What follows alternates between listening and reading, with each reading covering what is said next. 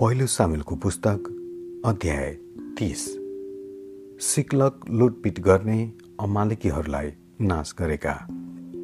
तेस्रो दिन दाउद र तिनका मानिसहरू सिक्लगमा पुगे। त्यसबेला अमालिकीहरूले नेगेब र सिक्लग लुटपिट गरेका थिए। सिक्लगमा आक्रमण गरेर उनीहरूले त्यसलाई आगो लगाइदिएका थिए।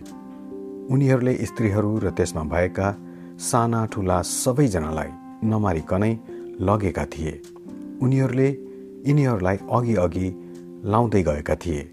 जब दाउद र तिनका मानिसहरू सिग्लगमा आइपुगे तब तिनीहरूले सहरलाई आगोले भस्म पारेको र तिनीहरूका पत्नीहरू र छोराछोरीहरूलाई लगिसकेका देखे।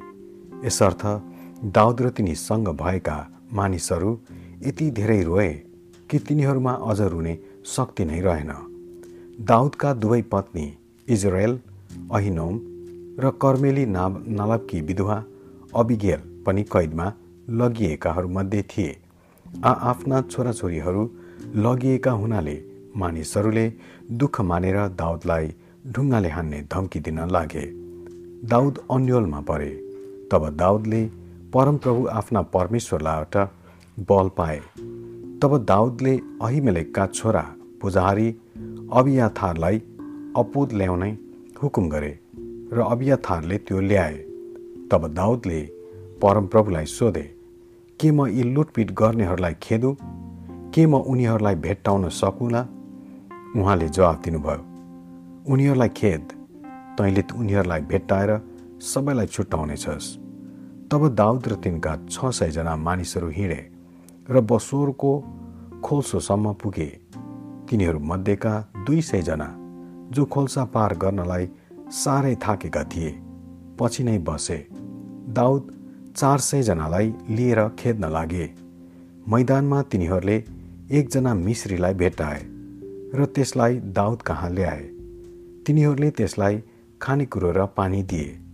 एक डल्लो नेभारा र दुई झुप्पा किसमिस यी खाइसकेपछि त्यसको शक्ति आयो।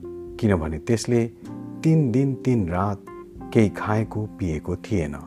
दाउदले त्यसलाई सोधे त कसको होस्? त कहाँबाट आएको होस्? त्यसले जवाफ दियो म एक मिश्री हुँ एकजना अमालेकीको दास तर म तिन दिन अघि बिरामी भएकोले मेरो मालिकले मलाई छोडेर गए। हामीले यहुदाको केही भाग कालेबको नेगेब र करेतीहरूको नेगेब लुटपिट गऱ्यौँ अनि सिगलगलाई आगो लगाइदिउँ दाउदले भने के त मलाई त्यस दल कहाँ बाटो देखाउन सक्छस्? त्यसले जवाब दियो तपाईँ मलाई मार्नुहुन्न अथवा मेरा मालिकको हातमा सुम्पिदिनुहुन्न भने परमेश्वरको सामु शपथ खाएर मलाई भन्नुहोस् र म तपाईँलाई बाटो देखाएर उनीहरू कहाँ पुर्याइदिनेछु। तब त्यसले बाटो देखाउँदै दाउदलाई तल लग्यो। त्यहाँ अमालेकीहरू चारैतिर तितर बितर भएर खाँदै पिउँदै र पलिस्ती र यहुदाका इलाकाहरूबाट लुटेका माल थुप्राएकोमा हर्ष मनाउँदै थिए। दाउदले उनीहरूसँग साँझदेखि अर्को दिनसम्मको लडाइँ गरे। उनीहरूमध्ये केवल चार सय जवान मानिसहरू उठमा चढेर भागे। अमालिकीहरूले लगेका सबैजनालाई तिनका दुई पत्नीहरू समेत दाउदले छुट्याए। साना ठुला छोराछोरीहरू लुटेका माल उनीहरूले आफ्नै निम्ति लगेका थोक केही पनि छुटेन। दाउदले सबै कुरा पुनः प्राप्त गरे।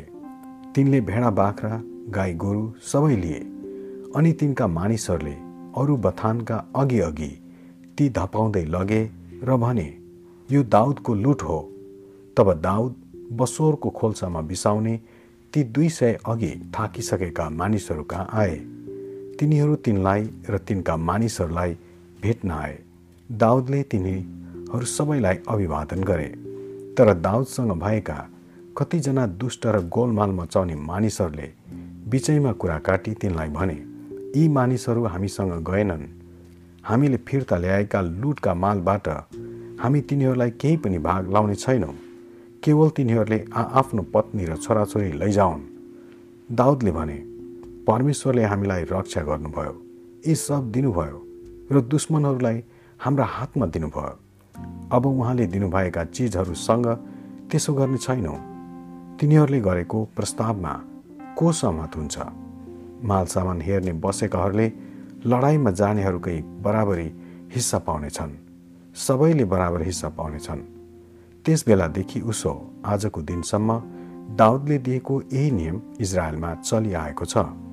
जब दाउद सिक्लगमा आइपुगे तब तिनले लुटेका केही माल आफ्ना मित्रहरू यहुदाका धर्मगुरुहरूलाई यसो भनेर पठाए। परमप्रभुका शत्रुहरूबाट लिएका लुटेका मालदेखि यी तपाईँहरूका निम्ति सौगात हुन्।